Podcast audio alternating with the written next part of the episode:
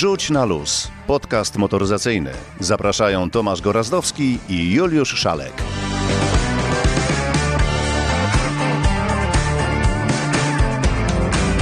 Dzień dobry, dobry wieczór. W końcu nie wiadomo, kiedy to pójdzie. Tomasz Gorazdowski. I Juliusz Szalek. O tym już Państwo wiedzą od 18 odcinków. No, nawet ja myślałem, że od, dziewiętn- od 19. A co dzisiaj, drogi kolego, co dzisiaj? A dzisiaj y, musimy się wytłumaczyć, bo ostatnio powiedzieliśmy, że będzie dużo nowości. No i było tych dużo nowości, bo przecież była Astra, było wiele fajnych samochodów, ale zapomnieliśmy o Peugeotie 308. Więc tylko zaznaczymy, że w końcu trafił do polskiej oferty. Powiemy o kosmicznym Audi RS3. Powiemy także o progach zwalniających, a tak naprawdę zapytam Ciebie, drogi mój Tomku, jaki jest Twój stosunek? Zdecydowanie określony. Zajmiemy się również tematami trochę wakacyjnymi i to może być strzał w dziesiątkę, takie kamperowe Airbnb. No właśnie, Ty dużo podróżujesz, korzystasz z tego? Z kampingowego Airbnb? Nie, z Airbnb. Jak najbardziej. No to- Zdecydowanie oraz bardzo. No to będę Cię namawiać, bo naprawdę to jest fajna sprawa, ale też zaznaczymy w naszym podcaście, takie rzeczy nie uchodzą e, obojętnie, zaznaczymy, że Aston żegna się z silnikami spalinowymi. A, to już kolejny, kolejny producent, kolejna marka, która się z silnikami spalinowymi żegna i tak sobie przed chwilą żartowaliśmy, że można byłoby stworzyć jakiś kącik tych, którzy ze spalinowymi silnikami się pożegnają. Ale chciałem wrócić jeszcze, bo zapomniałeś, powiemy również o cudeńku, którego się pozbywa Tom Hanks. Pozbywa się swoich motoroz- motoryzacyjnych skarbów, ale nie pozbywa się Fiata 126P, którego ma. Tego nie wiemy, wiemy y, natomiast czego się pozbywa i o tym powiemy, a na sam koniec troszeczkę przynudzimy, ale mam wrażenie, że to będzie dość interesujące, bo powiemy o nowym raporcie Najwyższej Izby Kontroli. A poza tym e, Tomek Okurowski zajrzy znowu w czeluści samochodowej techniki. Jarosław Kazberuk zabierze nas gdzieś znowu na pustynię, a może na plażę, a może gdzieś w dżunglę. Jednym słowem off-road, a Bary w sprawach motocykli opowie nam o motocyklach elektrycznych. No i opowiemy o czymś, co jeździ jak wściekłe, jest fajnym samochodem. Opowiemy o Mustangu Machu Nazwa przypomina samolot. I z samolotem ma to coś wspólnego. No jednym słowem, wściekły Mustang, ale bardzo dobrze, jak niektórzy mówili na torze, bo na torze między innymi próbowaliśmy ten samochód. Śpieszmy się go kochać, bo już za chwilę ich nie będzie. Ale zacznijmy od samochodu, który no też trochę różni się od takiego średniego, standardowego auta. Mianowicie? Od Audi RS3. No to teraz ogólnie o świecie dwóch i czterech kół. Audi RS3. Ja tylko powiem e, dwie wartości. 3,8 do setki, Nie, kiedyś to urywało kapcie z nóg, a teraz już już mniej. zacnie, ale 290 km na godzinę no i gdzie tak pojedziesz? na niemieckiej autostradzie. No to może to cię przekona. Tryb driftu i półsliki już w salonie.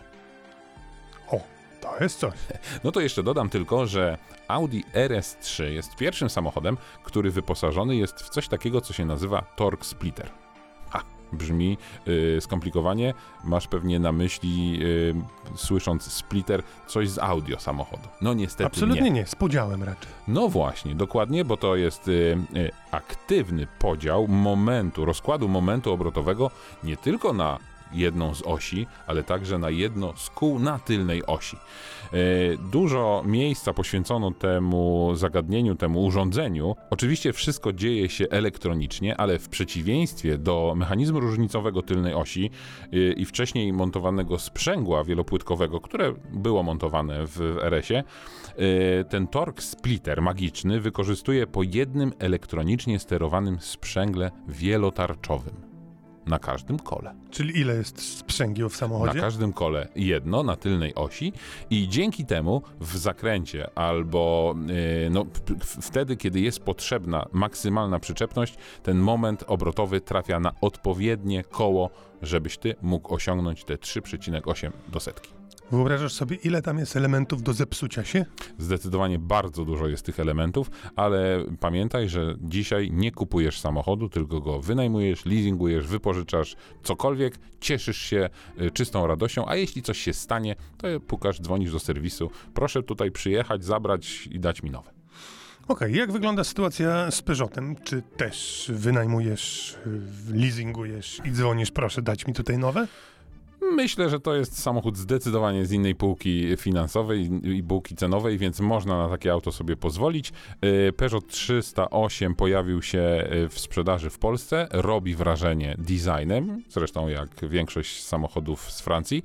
Y, No i faktycznie nie tylko zaskakuje wygląd tego samochodu, chociaż gdzieś tam te elementy pojawiały się wcześniej w innych modelach, no to tak naprawdę duże wrażenie robi wnętrze tego auta. Auto jest oczywiście dostępne i w wersji kombi, i w wersji hatchback, więc y, do wyboru, do koloru, a najpiękniejszy jest zielony. Z takim gigantycznym lwem na grillu, bo to jest nowe logo Peugeota. Jak większość francuskich samochodów robi wrażenie designem, nie? Zdecydowanie. Jak Berlingo. Tak. I te... Ach, wybiłeś. Wyluzuj. No to teraz przejdźmy do samochodu, który rzeczywiście robi wrażenie designem i robi wrażenie linią, linią karoserii. Gdzie ta linia cię tak y, zainspirowała i zafascynowała? W Astonie Martinie, najlepiej DB9. Mam nadzieję, mam nadzieję, graniczącą z pewnością, że ta linia pozostanie, a zmieni się po prostu środek tego wnętrza, tego samochodu, a tak naprawdę to, co pod maską, czyli silniki. Niestety Aston żegna się z silnikami spalinowymi, żegna się z silnikami V8, żegna się z silnikami V12, no i wita się z gąską elektryczną.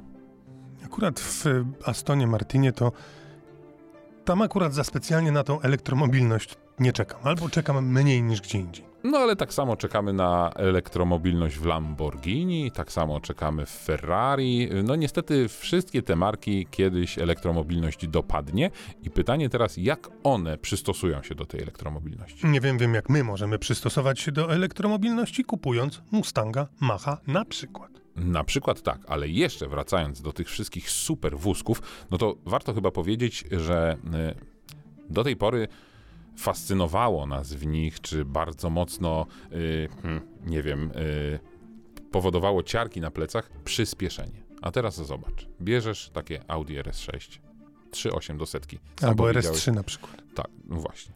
Yy, sam powiedziałeś, że to nie robi wrażenia. Bierzesz sobie jakikolwiek zwykły samochód elektryczny, Skodę, Volkswagena, czy cokolwiek i te auta przyspieszają naprawdę poniżej 4 sekund. To teraz jak musi przyspieszyć Lamborghini, jak musi przyspieszyć elektryczny Aston Martin, albo jak musi przyspieszyć yy, elektryczne Ferrari, żeby zrobiło wrażenie? No lepiej od Tesli. Szybko. No to szybko. No to tutaj już schodzimy po, poniżej dwóch sekund. Odsyłamy do y, podcastu, w którym zastanawialiśmy się, gdzie są te granice. No jak na razie to tych granic chyba nie ma. Powrót do przyszłości 4. Chciałeś mnie zapytać kolego o progi zwalniające. Tak, bo Otóż, to jest o taki- co chciałeś mnie zapytać? No właśnie chciałem się zapytać o stosunek twój do progów zwalniających. Jednoznacznie negatywny. A progi zwalniające na ścieżce rowerowej to nie żart. Jeszcze bardziej negatywnie zdecydowany. No to właśnie wymyślono i już pierwsze progi zwalniające na polskich ścieżkach rowerowych powstają, że to spowoduje Mnóstwo wypadków. No właśnie, i tak samo pomyślałem, i nawet pamiętam, e, niedawno wybrałem się z dziećmi na przejażdżkę rowerową i sam zauważyłem, że na ścieżkach rowerowych są rowerzyści, którzy za nic mają przepisy i w nosie mają ograniczenia e, prędkości. Oczywiście nie obowiązują żadne ograniczenia prędkości na ścieżkach rowerowych, bo pomysł, żeby ograniczyć i wprowadzić e, jakieś limity prędkości przepadł, no ale jadąc na przykład z dzieckiem, tempem y, powiedziałbym Spacerowym. spacerowym, no można oszaleć. Czułem się trochę tak jak ze 20 lat temu na polskich drogach, gdzie jeśli ty jedziesz sobie wolniej, to jesteś zatrąbiony, zakrzyczany przez wszystkich tych, którzy ciebie wyprzedzają, wyprzedzają na trzeciego i naprawdę w nosie mają przepisy. No tak samo się poczułem. E, muszę powiedzieć, że to jest niebezpieczne. Tym bardziej, że te ścieżki rowerowe są no, w miarę równe. Nie mówię o tych, gdzie tam jest pozbruk, tylko tych asfaltowanych. No i też mój pierwszy odruch był taki, no przecież to jest bez sensu, taki próg zwalniający na na ścieżce rowerowej, tym bardziej w obliczu tych wszystkich zmian, które miały niedawno miejsce, y, które na przykład wpuszczają na ścieżkę rowerową, na przykład tych na hulajnogach, tych na y, innych y, urządzeniach, y, y, jak to się ładnie nazywa? Elektrycznych. nie tylko elektrycznych, tak, ale mobilności osobistej. No i co? Co z tymi yy, progami zwalniającymi zrobimy? To jest Twoim zdaniem dobre czy nie? Bo moim zdaniem jakaś forma ograniczenia prędkości na ścieżkach rowerowych być powinna. Nie, no, zgadzam się z tym, że oczywiście powinno się wolniej jeździć na ścieżkach rowerowych, bo nie wszyscy jesteśmy Lensem Armstrongiem. Nie wszyscy jesteśmy Lewisem Hamiltonem dwóch kółek. Tylko nie wiem, czy to jest rozsądne rozwiązanie, bo ile wpadniesz na mm, próg zwalniający samochodem, no to powiedzmy w zależności od tego, jaki próg, jaki samochód i jaka prędkość, no ale no nie wiem, urwiesz zderzak, coś się wydarzy, chociaż może się to również y, skończyć tragicznie, ale tyle po wpadnięciu na taki próg zwalniający rowerem, czy nie wiem, hulajnogą, jak się rozpędzisz z góry, Wrotkami.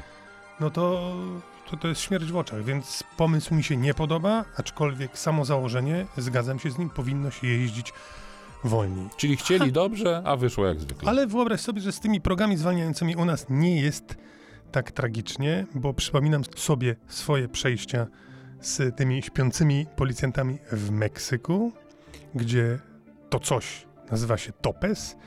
I bardzo ładnie mój kolega Łukasz, mieszkający w Meksyku, opowiadał o tym, Meksyk jest takim absolutnie uporządkowanym chaosem. Tutaj nie ma znaków, nie ma przepisów, nie ma przejść dla pieszych, ale to wszystko funkcjonuje. Wydaje mi się, to mnie najbardziej zaskakuje, że ludzie, którzy nie wiedzą jak prowadzić na drogach, które są nieoznakowane, najczęściej jeszcze są pod wpływem alkoholu lub innych środków, potrafią jeździć i to wszystko działa. Topes, czyli tak zwani leżący policjanci, to takie progi zwalniające, najczęściej wybetonowane, wyasfaltowane, w poprzek drogi i tutaj są znacznie, są inne niż w Europie, niż w Polsce. One są bardzo wysokie. Jeśli kierowca nie zwolni do faktycznie poniżej 20 km na godzinę lub wskazane 10, e, ma szansę urwać zawieszenie. Problem stopes jest taki, że one są bardzo często nieoznakowane, czyli są czarne, w nocy nic nie widać, znaku nie ma, a jak jest znak, to on jest dokładnie na tej samej wysokości drogi co ten topes. Nie jest 150 metrów, 150 metrów wcześniej, tylko dokładnie tam, gdzie on jest, kiedy już jest absolutnie za późno, by zahamować. Czasem jest 10 takich malutkich żółtych i na końcu jest jeden duży biały, czasem jest 10 malutkich żółtych, a nie ma nic, a czasem tylko namalowany biały pas, że wydaje się i wszyscy hamują, a tak naprawdę to nic nie ma. Jest to taki urok lokalny, Ale ja dodam do tego, że nie trzeba jechać do, Mes- do Meksyku, by znaleźć śpiących policjantów, czyli progi zwalniające, ale nie takich, człowieku, nie takich. wysokie, małe, niskie, szerokie, bo nie wiem czy wiesz, w Polsce nie ma jasno sprecyzowanych przepisów, które określałyby, że próg zwalniający ma mieć wysokość taką, długość taką, szerokość taką. Więc y, no, liczymy tutaj na pomysłowość polskich inżynierów budowlanych i dlatego jedne progi powstają y, za wysokie, inne za szerokie, ale są też przykłady, że na przykład w mojej okolicy są progi, które są za wąskie. Tak jakby ktoś z premedytacją y, miał powiedziane, musi tutaj być próg, to zrobimy taki, żeby po prostu żaden samochód się na niego nie łapał. No i to też jest jakaś metoda. Wrzuć na luz, wyluzuj. Jeśli byście chcieli ruszyć w drogę swoim na przykład wypożyczonym kamperem, no to oczywiście mówiliśmy już nie raz, nie ma na to szans. Bo terminów w wypożyczalniach nie ma. Ale otóż są inne możliwości, na przykład y, mieć znajomego z kamperem i od niego wypożyczyć auto. Już się umówiliśmy. No właśnie, ale można jeszcze inaczej to zrobić. Wszyscy przecież korzystamy z serwisów Airbnb. Booking.com. Booking.com albo y, Booking.com jest właśnie taka delikatna różnica między tymi serwisami, czy tam tym, tym, tą aplikacją Airbnb a Booking.com, że w tych Airbnb serwisach są tylko ogłoszenia prywatnych osób. Tak naprawdę nie ma tam y, hoteli, hosteli, apartamentów, y, tego typu miejsc. Więc Są apartamenty. no tak, ale prywatne. Więc u zarania tego systemu Airbnb jest to, że ja na przykład wyjeżdżam na wakacje i w tym czasie chciałbym udostępnić moje mieszkanie jakiemuś innemu strudzonemu wędrowcy, na przykład z drugiego końca Albo świata. nawet wędrowcowi. Albo nawet wędrowcowi, tak, to nawet by było lepiej. Więc y, ruszyło takie kamperowe Airbnb, y, nazywa się Camp2 i działa na rynku polskim i w języku polskim. Dlaczego to jest takie ważne? Dobre pytanie. Dlaczego to jest takie ważne? Bo dzięki temu możesz sobie wynająć kampera w twojej ulubionej Australii, polecieć tam samolotem, I nie dostać się, ponieważ granice Australii są zamknięte. no to w inne miejsce, bo ten serwis działa naprawdę w wielu krajach, nie tylko Europy, y, i załatwić sobie wypożyczenie kampera taniej niż w regularnej wypożyczalni od właściciela tego auta, dogadać się z nim co do ceny, dogadać się z nim co do terminu, wypożyczyć, polecieć tam, wypożyczyć auto, y, wrócić bezproblemowo. Czyli po prostu wypożyczalnia Po prostu samochodów, wypożyczalnia z wypożyczalnia samochodów. kamperów. Tak, dokładnie tak, z tą różnicą, że rozmawiasz nie z wypożyczalnią, tylko za każdym razem z osobą prywatną. To y, naprawdę ogranicza nieco koszty, bo sprawdziłem i w Australii są wolne terminy jeszcze na sierpień, jeszcze na lipiec. I nic dziwnego, ponieważ nie można wjechać. No ale jak ktoś by tam jednak jakoś się Nie dostał... ma szans. Nie ma szans? Nie ma szans. Sprawdzałeś? Tak. No to dobrze, to na przykład do Wielkiej Brytanii. Tam y, z kolei zniesiono wszystkie obostrzenia covidowe. Też są wolne terminy, nawet od jutra. I za taki samochód możesz zapłacić 300 zł? No to pokaż mi wypożyczalnię w Polsce, która wypożyczy ci kampera za 300 na dobę. Nie ma. Nie ma takich miejsc. To i tak sporo, 300 zł. To sprawdź sobie, ile kosztuje wypożyczenie kampera. 600 zł najmniej w sezonie. Jesteśmy w sezonie, jesteśmy w wakacjach. Więc takie kamperowe Airbnb to naprawdę fajny pomysł, y, mm, tym bardziej, że całe formalności ta, i cała ta papierologia y, jest właśnie po stronie a- organizatora, po stronie tej platformy, y, a właściciel dostaje tylko pieniądze, kontaktuje się z nami, odbiera samochód, wydaje samochód. Albo odbiera wrak. No jest tutaj też przewidziane ubezpieczenie, tak jak normalnej wypożyczalni samochodów, więc y, oczywiście jest to pewne ryzyko i dlatego niektórzy nie decydują się na wypożyczanie swoich kamperów, no bo to tak trochę jakbyś wypożyczył swoją kuchnię, swoją łazienkę, swoją y, sypialnię. Y, Nie mam szafę. problemu z wypożyczeniem łazienki. No ale skoro jesteśmy przy tematyce wakacji, kamperów, to może teraz chwilę o przyczepie. Powiedz nam, co z tym słynnym aluminiowym, bardzo słynnym, srebrnym cygarem? Znasz takiego gościa jak Tom Hanks? Tak, znam. Słyszałeś. Tak. Ma gość oko do fajnych motoryzacyjnych gadżetów. Nawet ma malucha. I ma kasę dostał, którego dostał tutaj od, y, o, od nas, od Polaków. W, w darze, w hołdzie. Y, tak naprawdę Tom Hanks pozbywa się, sprzedaje swoją filmową przyczepę, w której od 93 roku mieszkał przy okazji nagrywania kolejnych produkcji filmowych. I to jest fakt. I on naprawdę w tej przyczepie mieszkał. A przyczepa, no to oczywiście jest legendarny Airstream z 92 roku, model 34 Limited Excella. Oczywiście przerobiony. No naprawdę mierzy chyba z 15 metrów, dwie osie, To dużo. Ho, bardzo dużo.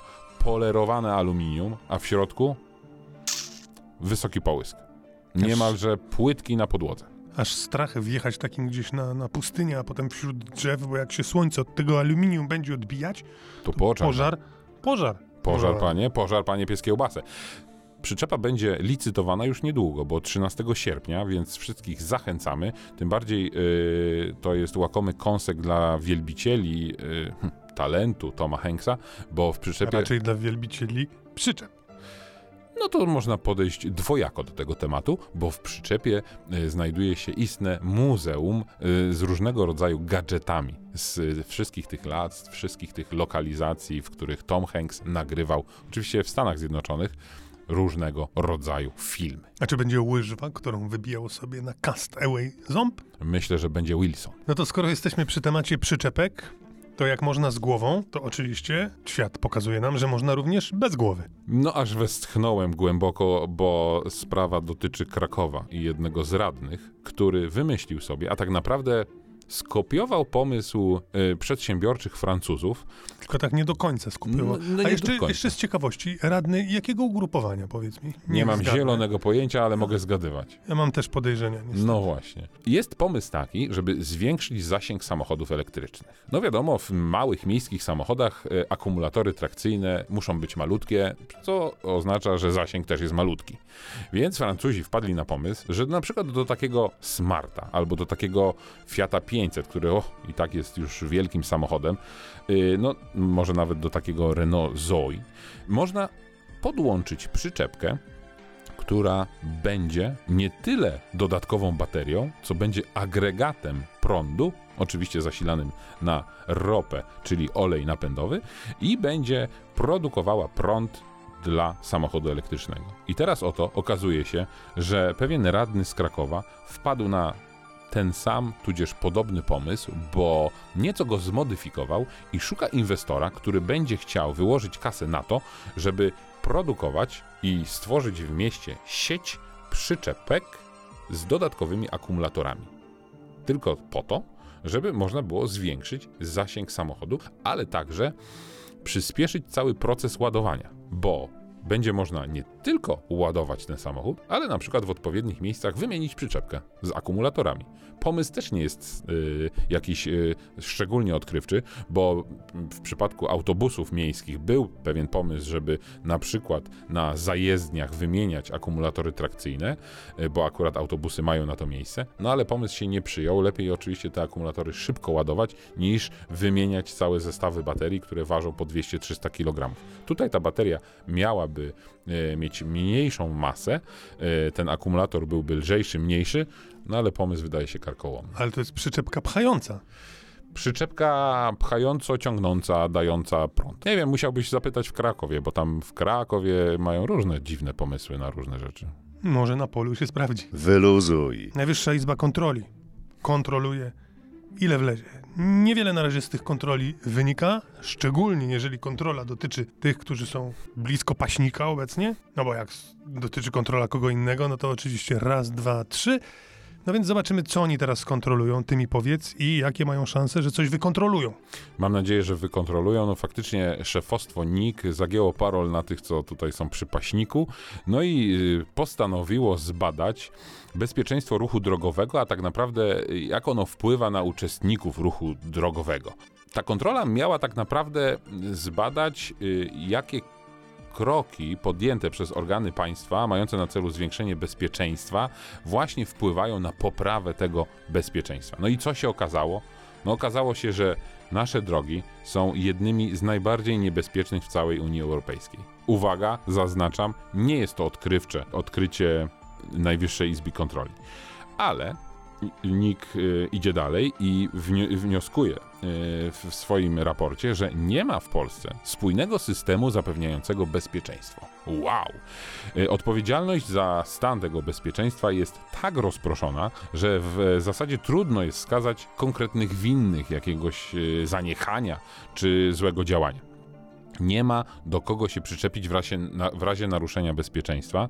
Yy, No i co najciekawsze, pewnie orientuje się, że yy, w strukturach polskiego yy, państwa istnieje coś takiego jak Krajowa Rada Bezpieczeństwa Ruchu Drogowego. No i ta Krajowa Rada powołana jest zasiadają w niej różni przedstawiciele różnych ministerstw. Na czele stoi minister Czarnek. infrastruktury.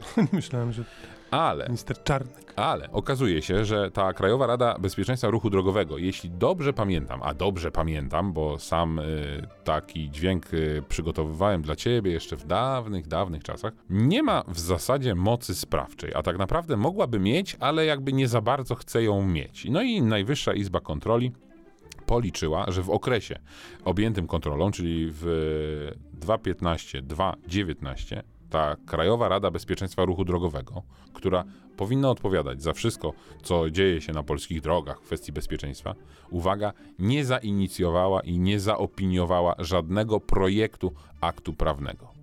Po co siedzą tam ci leśni panowie i panie? Masz braki w pomysłach? Nie mam braków w pomysłach, grunt, że faktura się zgadza, O to jest to żenujące, kasa. się zgadza. Ja przypominam sobie, że y, rozmawiałem kiedyś właśnie na ten temat y, z paroma osobami, którzy w bezpieczeństwie też siedzą, no i y, też zwracali uwagę, że faktycznie te wszystkie takie zmiany przepisów, które dzieją się ad hoc, tak bardzo spontanicznie, akcyjnie, o czym zresztą ostatnio mówiliśmy, mówiliśmy, no dzieją się bez jakiegokolwiek pomysłu. To nie jest spójne działanie wielu ministerstw. To po prostu ktoś ma pomysł, gdzieś się tam coś zadzieje, po, był wypadek, y, są jakieś śmiertelne ofiary, trzeba coś zadziałać, trzeba się pokazać, więc jakieś takie akcyjne działania są podejmowane. Krajowa Rada Bezpieczeństwa Ruchu Drogowego nawet nie pokusiła się o to, żeby. W, no, jednak trzeba powiedzieć, że w rewolucyjnej zmianie przepisów, jeśli chodzi o tych pieszych, y, którzy mają pierwszeństwo bezwzględne, y, nie zorganizowała żadnej kampanii informacyjnej przed zmianą tych przepisów. Dopiero później państwo polskie zorganizowało taką kampanię, ale to nie chyba rękoma Krajowej Rady Bezpieczeństwa Ruchu Drogowego, więc mówimy tym wszystkim członkom do widzenia. A możemy spokojnie powitać sieć 5G. Sieć 5G w samochodach. Wyobrażasz sobie, do czego sieć 5G może doprowadzić nas, te samochody i tak dalej? Mam nadzieję, że y, stanie się tak, że dzięki sieci 5G Car Apple Play będzie lepiej działać. O to zapytaliśmy Tomka Okurowskiego. Okurowski o technologii. Sieć 5G, czyli innymi słowy jeszcze szybsze połączenie tele- telekomunikacyjne, które dla niektórych wiąże się z ogromnymi kontrowersjami, a dla części, szczególnie dla inżynierów jest na przykład ogromną szansą na to, żeby poprawić bezpieczeństwo w samochodzie. No cóż, musimy przygotować się na to, że informacji o eksperymentach związanych z wykorzystaniem sieci komórkowej następnej generacji będzie coraz więcej. A tych testów i badań jest już e, bardzo dużo. One będą miały wpływ nie tylko na to, że będziemy mogli szybciej ściągnąć film wysokiej jakości, będziemy mogli wysyłać czy odbierać e, zdjęcia wysokiej jakości dużo, dużo szybciej niż do tej pory, czy innymi słowy, po prostu wszelkie duże pliki będą mogły być transferowane błyskawicznie. Praktycznie niemal od ręki możemy mieć na telefonie na przykład film w wyśmienitej jakości, czy na tablecie, ale nie o to chodzi przypadku motoryzacji 5G oznacza hmm, kolejną rewolucję. Nie boję się użyć tego słowa, bo dzięki szybkiej łączności e, nas, kierowców, czeka mnóstwo zmian, jeżeli chodzi o systemy wspomagające kierowcę.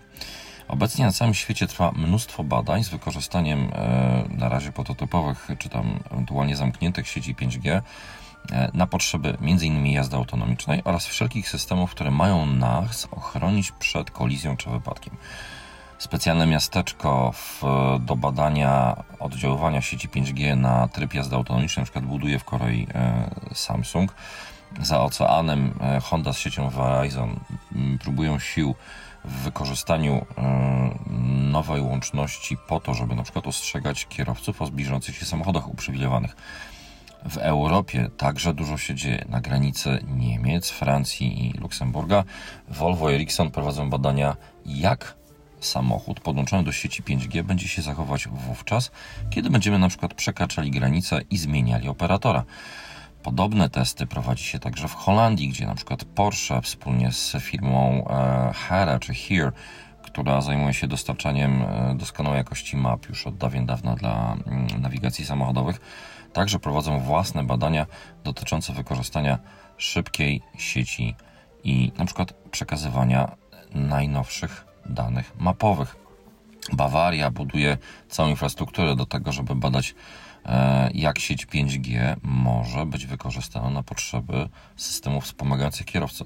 Mnóstwo prób odbywa się także we Włoszech i tak można jeszcze w nieskończoność praktycznie wymieniać. No dobrze, to teraz kluczowe pytanie. Co z tej sieci 5G będzie mieć kierowca, który już pierwsze będzie miał nowoczesne auto, a takich aut za chwilę będzie całkiem sporo, bo tu też jest bardzo istotna informacja, że część producentów, takich jak na przykład Ford, deklaruje, że w nowych samochodach już za kilka lat, w przypadku Forda od 2022 roku w Stanach Zjednoczonych, praktycznie wszystkie nowo oferowane auta będą już wyposażone w moduły łączności z nową siecią telekomunikacyjną. E, Stosowne deklaracje składało także m.in. Audi czy Daimler, innymi słowy Mercedes, czy ewentualnie jego marka Smart, gdzie w Chinach e, za chwilę większość smartów będzie już oferowana z łącznością 5G. Otóż jesteśmy bliżej niż nam się wydaje tego, że nowe samochody będą już łączyć się nie tylko z siecią tą 4G czy LTE, taką jaką znamy na przykład z napisem na wyświetlaczu w smartfonie, ale także już ze znacznie szybszą, nowocześniejszą siecią telekomunikacyjną. Co ma z tego kierowca? Wyobraźmy sobie kilka takich typowych scenariuszy, z którymi zapewne nieraz spotykamy się na przykład podczas miejskiej jazdy.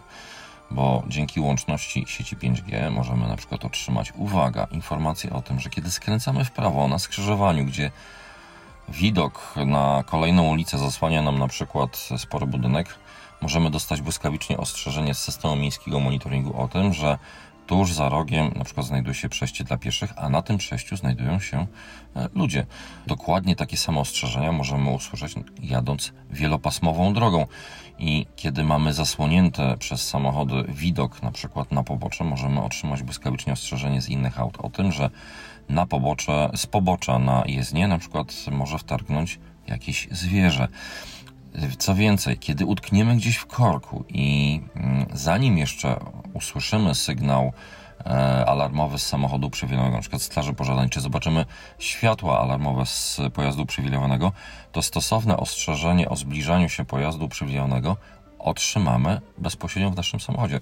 Zobaczymy na przykład stosowną ikonę czy grafikę e, na mm, ekranie w konsoli, czy bezpośrednio przed kierowcą e, tuż za kierownicą. Dzięki łączności 5G e, będziemy na przykład mogli już dużo wcześniej przygotować się do utworzenia korytarza życia, czyli tego korytarza, dzięki któremu służby ratownicze będą mogły dotrzeć znacznie szybciej na miejsce jakiegoś zdarzenia. Tych przykładów można mnożyć. Na przykład ekipy remontowe, e, których praca powoduje, że zamknięty jest jeden czy dwa pasy ruchu, co może spowodować ogromny korek i sporo utrudnienia na drodze. Dzięki wykorzystaniu nadajników e, i, i, infrastruktury, która łączy się z siecią 5G, na przykład kierowcy już z dużym wyprzedzeniem otrzymają bardzo dokładną informację o dokładnym położeniu miejsca, które po prostu należy ominąć, czy ewentualnie należy przygotować się na utrudnienia i na przykład już zawczasu zmienić pas ruchu. To tylko kilka przykładów, ale tych e, mm, takich potencjalnych prób wykorzystania sieci 5G w takiej codziennej jeździe będzie znacznie więcej. Na koniec podam prosty przykład. E, miałem okazję we Włoszech przejechać się w długim sznurze samochodów w ramach eksperymentów prowadzonych m.in. przez koncern Stellantis. I aby móc bezpiecznie wyprzedzić ten sznur samochodów, moje auto połączyło się z samochodem, który znajdował się na samym początku kolumny i dzięki widokowi z kamery mogłem się upewnić, że mam mnóstwo wolnego miejsca i mogę bezpiecznie wyprzedzać.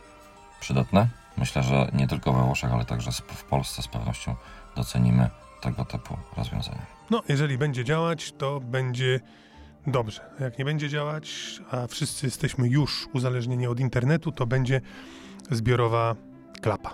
Ale porozmawiamy teraz o innych fruwających um, uczestnikach ruchu drogowego, o fruwających motocyklach, o motocyklach elektrycznych, przed którymi, jak mówiliśmy, motocykliści bronią się rękami i nogami.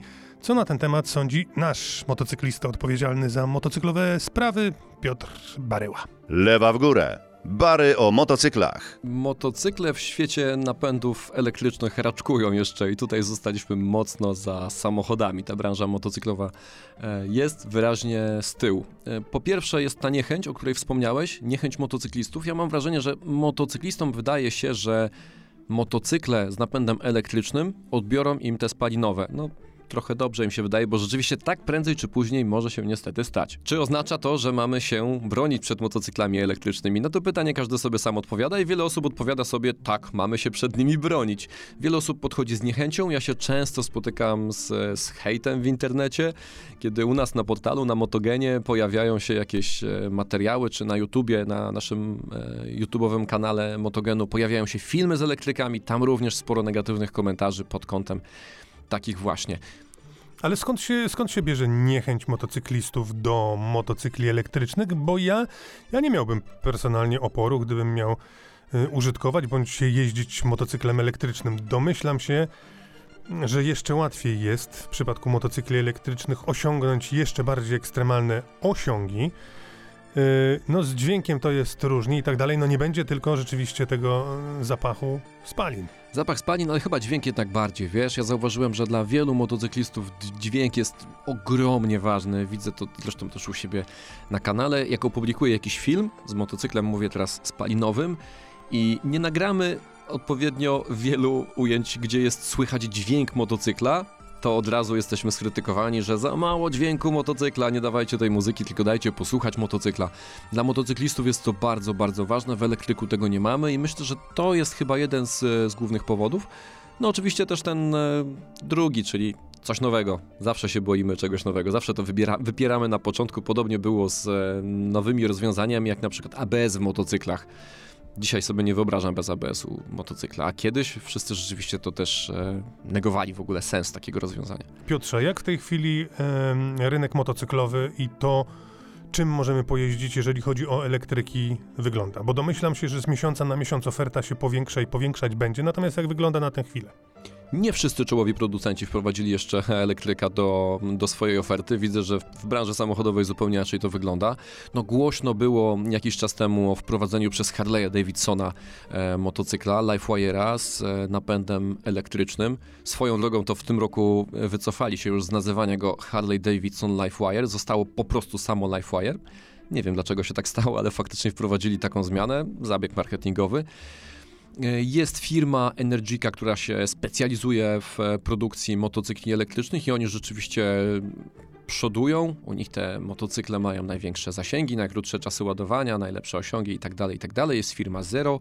E, W Polsce pojawiły się motocykle Super Soko. To znowu takie mniejsze moce. Nie słyszałeś, widzę, że robisz wielkie oczy, nie słyszałeś jeszcze o tych. Rzeczywiście nie są to pojazdy popularne. Ja na ulicach e, przez ostatnie dwa lata może raz, może dwa razy spotkałem takie Super Soko, a akurat to nie jest e, drogi pojazd elektryczny, bo kosztuje chyba kilkanaście tysięcy złotych i ma mniej więcej osiągi przeciętnej 125. No dobrze, ale wymieniasz nazwy jakieś mocno e, egzotyczne przynajmniej na razie, a Suzuki, Yamaha, Kawasaki, co? Nie mają. Nie mają. Rzeczywiście z tych znanych marek Harley zaproponował elektryka i tak teraz szybko szukam w myślach, ale nie, ani, ani Honda, ani Suzuki, ani Yamaha, e, ci czołowi producenci, których większość z nas e, rozpoznaje, nie wprowadzili do oferty jeszcze elektryków. Coś tam wspominają o jakichś eksperymentach, ale na pewno nie nastąpi to w tym. Myślę też, że nie w kolejnym roku. Mówiłeś o czasie ładowania i o zasięgach. Jak to w przypadku motocykla wygląda? No tutaj e, podobnie jak e, w samochodach jest odwrotnie niż w pojazdach spalinowych, czyli w mieście ten zasięg jest większy, w klasie jest mniejszy. Mm, Jeżeli chodzi o na przykład tego Harley'a, to jest dość drogi motocykl, on kosztuje około 140-150 tysięcy złotych, w zależności od kursu dolara i Harley przy takim ostrym jeżdżeniu, przy ostrych startach spod świateł, a jest co robić, bo w 3 sekundy do setki się rozpędzamy, no ten zasięg spada nam do nawet poniżej 100 km. Jak będziemy jeździć bardzo oszczędnie, bardzo ekonomicznie, po mieście, spokojnie, jak skuterkiem, to wtedy może zrobimy 200 km. Energica chwali się, że ten ich najnowszy pojazd z tą dużą baterią litowo-jonową, największą jaką na razie zastosowano w motocyklu, jest w stanie zrobić 400 km na jednym ładowaniu, no ale to już są jakieś takie troszeczkę wyimaginowane wartości. Tego jeszcze nie testowałem. Harley'em udało mi się zrobić chyba 125 km na jednym ładowaniu. Jeżeli chodzi o czas ładowania, to znów może już na przykładzie Harley'a, mm, w godzinę naładujemy go od 0 do 100%, ale przy użyciu specjalnej ładowarki, bo jeżeli ładujemy tak normalnie z gniazdka, to wtedy potrzeba całej nocy. No dobrze, i pytanie na koniec takie, jak jeździ się motocyklem elektrycznym? Czy powiesz, że przyjemnie i szybko, czy jest to temat na osobny, zupełnie osobny, osobny kącik? Spróbuję krótko. Doznania, jeżeli chodzi o przyspieszenia, są niesamowite, bo jest tylko świst, szum, czasami nawet opona przy starcie zapiszczy. Przyspieszamy w 3 sekundy do setki. Mówię tutaj o tych mocniejszych maszynach, na przykład LifeWire'ze. Wrażenia są niesamowite. Przeciskając się w korku jest niepewność, no bo nas przecież nie słychać. Mm, Początkowo brakuje tego dźwięku silnika, ale wrażenia z jazdy są absolutnie niezwykłe. Doznania, przyspieszeń, hamowań, absolutnej ciszy. Jest to coś e, bardzo, bardzo ciekawego. Ja chętnie widziałbym u siebie w garażu elektryka, oczywiście obok motocykla spalinowego, jako pewną alternatywę, może nie alternatywę, co dodatek. Jak słyszałeś, ja nie mam nic przeciwko temu, pojeździłbym takim elektrykiem. Zresztą Piotr obiecał, że będziemy mieli wkrótce okazję, wtedy kiedy Yamaha, Suzuki, Kawasaki się e, zdecydują, żeby taki motocykl wprowadzić do swojej oferty. No to teraz od elektrycznych motocykli ruchem konika szachowego przeskakujemy do super spalinowych samochodów. Mustang Mach 1. Zwierzak, po prostu zwierzak, którego miałem okazję wypróbować na torze. No a o wszystkim, o założeniu, o szczegółach i o pomyśle na ten samochód to powie Mariusz Jasiński z Forda. Ford e, Mustang Mach 1 to pierwszy produkowany seryjnie Ford dostępny w Europie, również w Polsce, który w zasadzie można kupić i wyjechać prosto z salonu na tor wyścigowy i śmiało ścigać się z innymi sportowymi samochodami. No tak, ale to jest samochód, którym można ścigać się na torze, a wręcz niektórzy twierdzą, że na tor został stworzony. Natomiast y, no jest to również samochód, którym absolutnie możemy w sposób dość komfortowy poruszać się po drogach. Na pewno jest to samochód, którym można jeździć, e, cruzować wręcz po e, drogach, e, czy to Polski, czy Europy, czy całego świata, ale jego największą, najważniejszą cechą jest właśnie mm, ten pakiet cały performance, na który składają się różnego rodzaju podzespoły wzięte z innych samochodów wyczynowych Mustangów typu GT 350, GT 500 i tak skomponowane, tak złożone w tym samochodzie, żeby właśnie nadawał się też do jazdy na torze, do wyścigów samochodowych. Co zapożyczono z tych e, mocno wyczynowych modeli i jak się przekłada to na, na, na postawę samochodu na torze? W zasadzie wszystkie elementy tego samochodu zostały zmienione pod takim kątem, e, żeby samochód świetnie dawał sobie radę e, na torze i, i wykorzystano do tego e, podzespoły części z innych Mustangów wyczynowych, ale również wiele elementów dzieli z bardzo znaną i popularną u nas wersją wersją Bullet i tutaj zaczynamy e, od silnika, którym jest również e, V8 wielka, bo 5-litrowa o takiej samej mocy, czyli 460 koni, ale inaczej zestrojona i e, ten samochód w taki sposób przygotowany osiąga setkę w 4,4 sekundy. Jeżeli popatrzeć by tylko na dane katalogowe na moc silnika, to można byłoby stwierdzić, patrząc i porównując go na przykład z Bullitem, że no no, niewiele się te samochody różnią. Okazuje się jednak potem, że w użytkowaniu, szczególnie na torze, te różnice wychodzą. Dokładnie to była moja pierwsza myśl, jak zobaczyłem pierwsze dane specyfikacyjne, bez zaglądania do szczegółów, że czym on w zasadzie się różni od Bulita, skoro ma e, taką samą moc, czyli 460 koni. Jednak później, jak spojrzałem w szczegóły specyfikacji, okazało się, że ten samochód nie tylko ma e, mocny silnik, prawdopodobny do, do tego z Bulita, ale jest inaczej zestrojony, ale ma również inne podzespoły, czy to e, w zawieszeniu, czy to chociażby e, w wydechu, e, kolokwialnie mówiąc, który jest wzięty wprost z wersji GT 500 które powodują, że samochód faktycznie jest samochodem no, wyścigowym. To, co zaskakuje, to biorąc pod uwagę moc silnika i jednak napęd na tył, to to zawieszenie plus cała elektronika powoduje, że ten samochód jest bardzo przewidywalny i bardzo stabilny na torze. Tym samochodem do tej pory y, jeździło już ponad 20 dziennikarzy i w rozmowach ze mną wszyscy podkreślają, że samochód robi piorunujące wrażenie właśnie jeżeli chodzi o jego właściwości jezdne, że jest inaczej zestrojony, w ogóle nieporównywalny z e, tradycyjnymi, e, znanymi wszystkim wersjami GT, czy chociażby Bullet i zupełnie inaczej zachowuje się na tym torze. On jest przewidywalny, on się trzyma tego toru, wjeżdża w zakręty, wyjeżdża z zakrętów, nie zarzuca nim, jeździ po prostu tak, jak kierowca chce.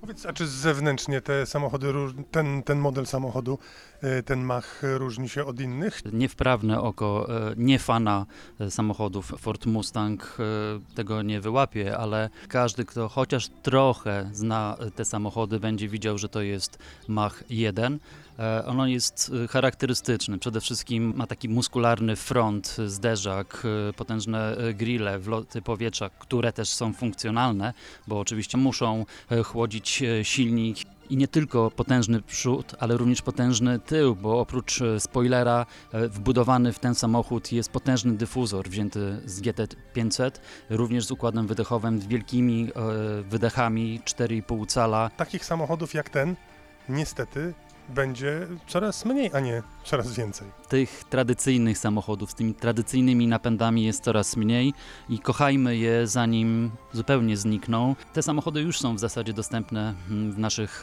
e, salonach, w salonach naszych e, dealerów. Te samochody można już kupić i cena podstawowa samochodu wynosi 283 tysiące i w zasadzie to jest całkowita cena, bo niewiele do niego można tak naprawdę dołożyć. Ten samochód jest bardzo bogato już wyposażony w standardzie. Za moment będziemy mieli okazję pojeździć tym smokiem, Mustangiem Machem 1 w mieście albo poza miastem, ale już nie na torze. No i być może już za tydzień opowiemy o wrażeniach jazdy tym samochodem. Koniecznie opowiemy, bo tam V8 bulgoce po prostu pod maską kipi aż mocą 460 koni, więc musimy opowiedzieć wam, jak się tym samochodem jeździło nie tylko na torze.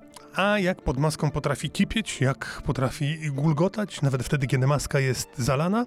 Jednym słowem o offroadzie opowie dzisiaj kto? No oczywiście, Jarosław Kazberuk. Pomimo tego, że świat gadżetów, motoryzacji, a co za tym idzie i tych w offroadzie już dawno stanął na głowie, warto wspomnieć o kilku podręcznych klamotach, gratach, bez których nie ruszam się w teren, a tym bardziej na rajd. Oprócz podstawowych narzędzi, którymi można coś przykręcić, odkręcić, czy też naprawić yy, w trudnym yy, miejscu, zabieramy zawsze podstawowy set, bez którego tak jak powiedziałem wcześniej, nie ma wyjazdu. Są to mm, trytki, tak zwany black tape czy multitool, albo jakiś szybki klej typu kropelka. To taki mały zestaw, który zawsze ze mną podróżuje. Coraz trudniej zabrać go do samolotu.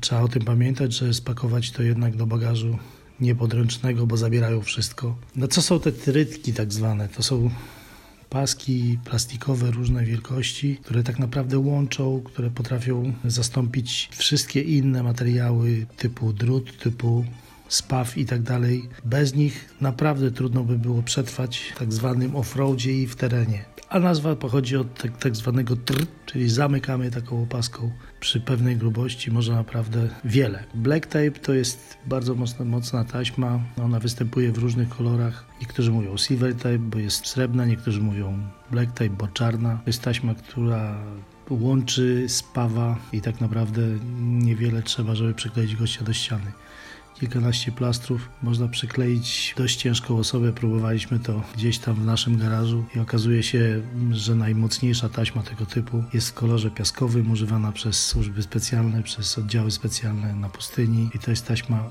potwornej wytrzymałości. Zabieramy ją, łączymy różne elementy, można pospawać samochód, można pokleić to, co wydaje się na pierwszy rzut oka nie do naprawienia. A multitool to jest oczywiście narzędzie wielozadaniowe, typu Lederman, Gerber. Takich używaliśmy dotąd. Ale może być to inna marka. Mamy tam kombinerki, mamy tam klucze, śrubokręty, piły i wiele innych przydatnych mikronarzędzi. No i dobry klej. Bez tego kleju często nie da się ruszyć. Zdarzyło się nam kilka razy, że oprócz innych specyfików, które pomagają uszczelnić chłodnicę bez kleju szybko snącego, bez kleju szybko łączącego. Nie udałoby nam się skończyć rajd do Dakar na przykład. No i z takich większych rzeczy, które są niezbędne, to oczywiście każda odmiana saperki. Akurat saperka jest tyle fajna, że można ją rozkręcić, skręcić i zajmuje niewiele miejsca. Dobrze mieć pasy transportowe, którymi można na przykład przytroczyć most urwany czy kilka innych cięższych elementów i pojechać dalej. No i oczywiście zawsze przydają się tak zwane podkłady, które umożliwiają wyjazd z trudnego terenu. W dzisiejszych czasach te podkłady są tak skonstruowane, często elastyczne, że zajmują też niewiele miejsca. I do tego wszystkiego przydałaby się duża waliza, która też jest elementem, który może nam się przydać w różnych miejscach, czyli podnosimy samochód, można ją podstawić, może być jako podstawka, która nie pozwala temu autu spaść, możemy grzebać się przy nim.